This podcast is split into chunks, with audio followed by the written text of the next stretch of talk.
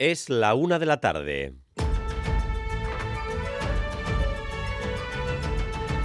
Crónica de Euskadi con Dani Álvarez. A Rachaldeón, algo se está moviendo en la política vasca y en esos movimientos nada sucede por casualidad. Esta mañana se ha confirmado el pacto que desde hace algunos días les veníamos perfilando. EH Bildu permitirá la aprobación de los presupuestos de Vitoria-Gasteiz. La ciudad gobernada por la socialista Maider Echevarría con el PNV será una de las pocas instituciones que, estando en minoría su gobierno, podrá renovar sus cuentas.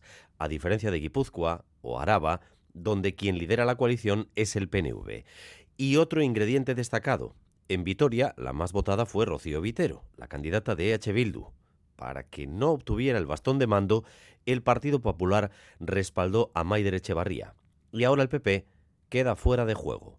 La vía Navarra ya forma parte del conjunto de la política vasca. Eh, ¿Cómo justifica este acuerdo Euskal Herria Bildu? Miquel Saez. Pues desde EH Bildu destacan que han actuado con la responsabilidad que les da el haber sido la primera fuerza en Gasteiz en las pasadas elecciones locales. Aseguran que el acuerdo presupuestario, cifrado en 6 millones de euros, es un acuerdo con contenido que da estabilidad y que da respuesta a las necesidades de la ciudadanía. La alcaldesa Maider Echevarría y la primera teniente de alcaldesa, Beatriz Artola Zaval, también han puesto en valor este pacto, ya que dicen los ciudadanos exigen soluciones y acuerdos. De esta manera, la alcaldesa Echevarría se asegura sacar adelante los primeros presupuestos de la legislatura. La vía Navarra implica varias cosas. Por ejemplo, que el PNV no sea uno de los protagonistas principales, pero sobre todo que la derecha quede fuera de todo ámbito de acuerdo. Así ha hablado la portavoz popular Ainhoa Domaica tras ver que los votos que le dio a Echevarría han acabado propiciando un pacto con el partido al que no quería ver en el poder. La alcaldesa del PSOE, Maider Echevarría, se ha echado en brazos de Bildu. El enfado del PP es de tal magnitud que hasta Javier de Andrés ha convocado una comparecencia en estos mismos momentos en la que ha llamado a los partidos implicados en la operación el mismo producto con marcas distintas.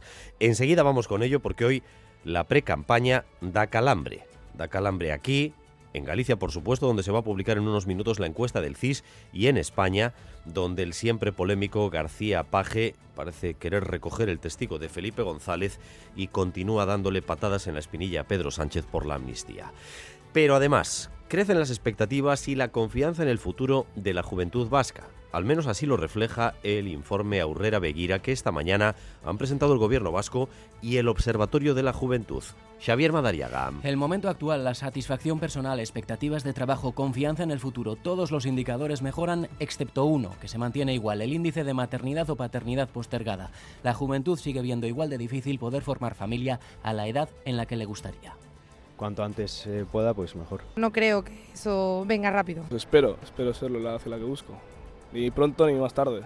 Por lo demás, se da por superado del todo el pesimismo pospandémico que se instaló entre nuestros jóvenes. Enseguida os revelamos más datos de este interesante informe. En el otro lado de la pirámide, las tres diputaciones están recibiendo estos días un auténtico aluvión de reclamaciones de pensionistas que piden la devolución de lo pagado de más en el IRPF en los últimos cinco años. Ya van 85.000 en toda Euskadi. Tienen derecho los jubilados que cotizaron a mutuas privadas antes de 1979, pero está reclamando todo el mundo, Rodrigo Manero. Sí, la última en actualizar datos ha sido la Hacienda de Vizcaya, que ya ha recibido 33.000 reclamaciones, a una media de casi 600 al día. Sumadas a las de Álava y Guipúzcoa, dan esas 85.000 en todo el estado, en todo Euskadi, perdón, y van a ser más, porque se ha corrido la voz entre los pensionistas y muchos están reclamando. Tienen derecho los jubilados que cotizaron a mutuas privadas antes del 79 y basta con presentar un escrito en las oficinas forales o por internet. Las haciendas van a comprobar cada caso cruzando datos con la seguridad social y las devoluciones podrían rondar los 2.000 euros por persona.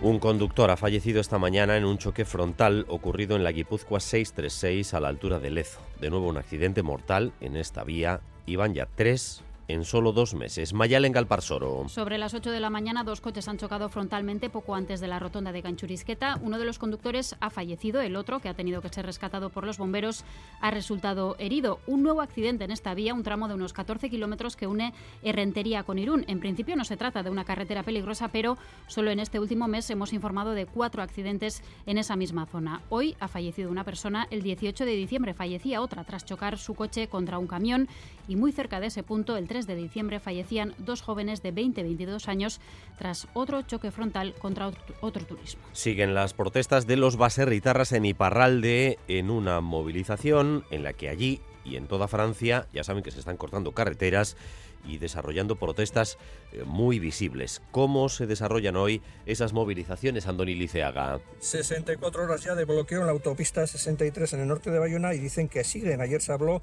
en la asamblea de cansancio y de haber logrado ya un eco mediático, pero finalmente siguen hasta tener mensajes claros desde París. Se espera para mañana una comparecencia de Gabriel Atal. ¿Y qué dice el principal sindicato agrícola de Iparal de Leve? Que es cierto que el sector está mal, que están de acuerdo en algunos puntos, pero no en otros. Por ejemplo, en los mensajes dirigidos a obstaculizar la transición ecológica Beñat Echeto LB. Ora, 2008 lauan jola sortu, da emeki emeki azken urtetan dugu izan dira idorteak presioak goititze eta, eta hainitz faktorek hori egin dute, orainko eguneko krisi hori. Algunos miembros del sindicato se han acercado aquí a título particular, pero ya lo hemos dicho, el sindicato no apoya el movimiento. Harán su propia movilización seguramente mañana.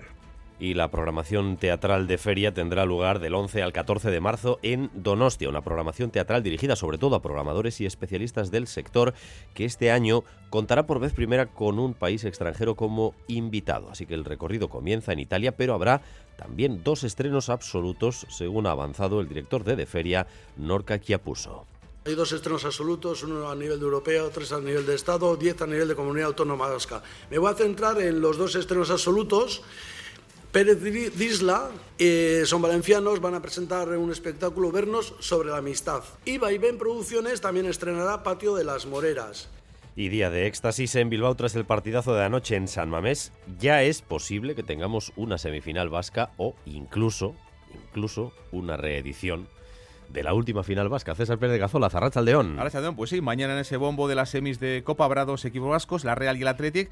Podría haber, como decías, derby ya a dos partidos en la antesala de la final de 7 de abril en la Cartuja en Sevilla o incluso está encima de la mesa la opción de repetir el duelo por el título de hace tres años entre Donostiarras y Bilbaínos. También semifinalista el Mallorca, el Vasco Aguirre y hoy conoceremos si el Atlético de Madrid o el Sevilla se meten en semifinales. Será la quinta semifinal consecutiva para los rojiblancos y tercera vez en los últimos cinco años que el Atlético elimina al Barcelona de la Copa. Lo consiguen anoche en Samamés con un amitazo terrible en la Catedral y con los hermanos Williams, Iñaki y Nico como grandes protagonistas con dos goles en la prórroga derrotaban al Barça. En cuanto al tiempo, pocos cambios. Hoy tenemos otro día de cielos despejados y sol en prácticamente todo el país. Las temperaturas bajaron un poco, especialmente en la costa, pero estamos eh, por encima ampliamente de los 10 grados, incluso en el interior. 11 grados en Iruña.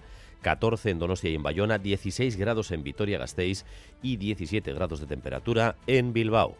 Gracias un día más por elegir Radio Euskadi y Radio Vitoria para informarse. Raúl González y José Ignacio Revuelta se encargan de la dirección técnica y Manol Manterola de la coordinación. Crónica de Euskadi con Dani Álvarez.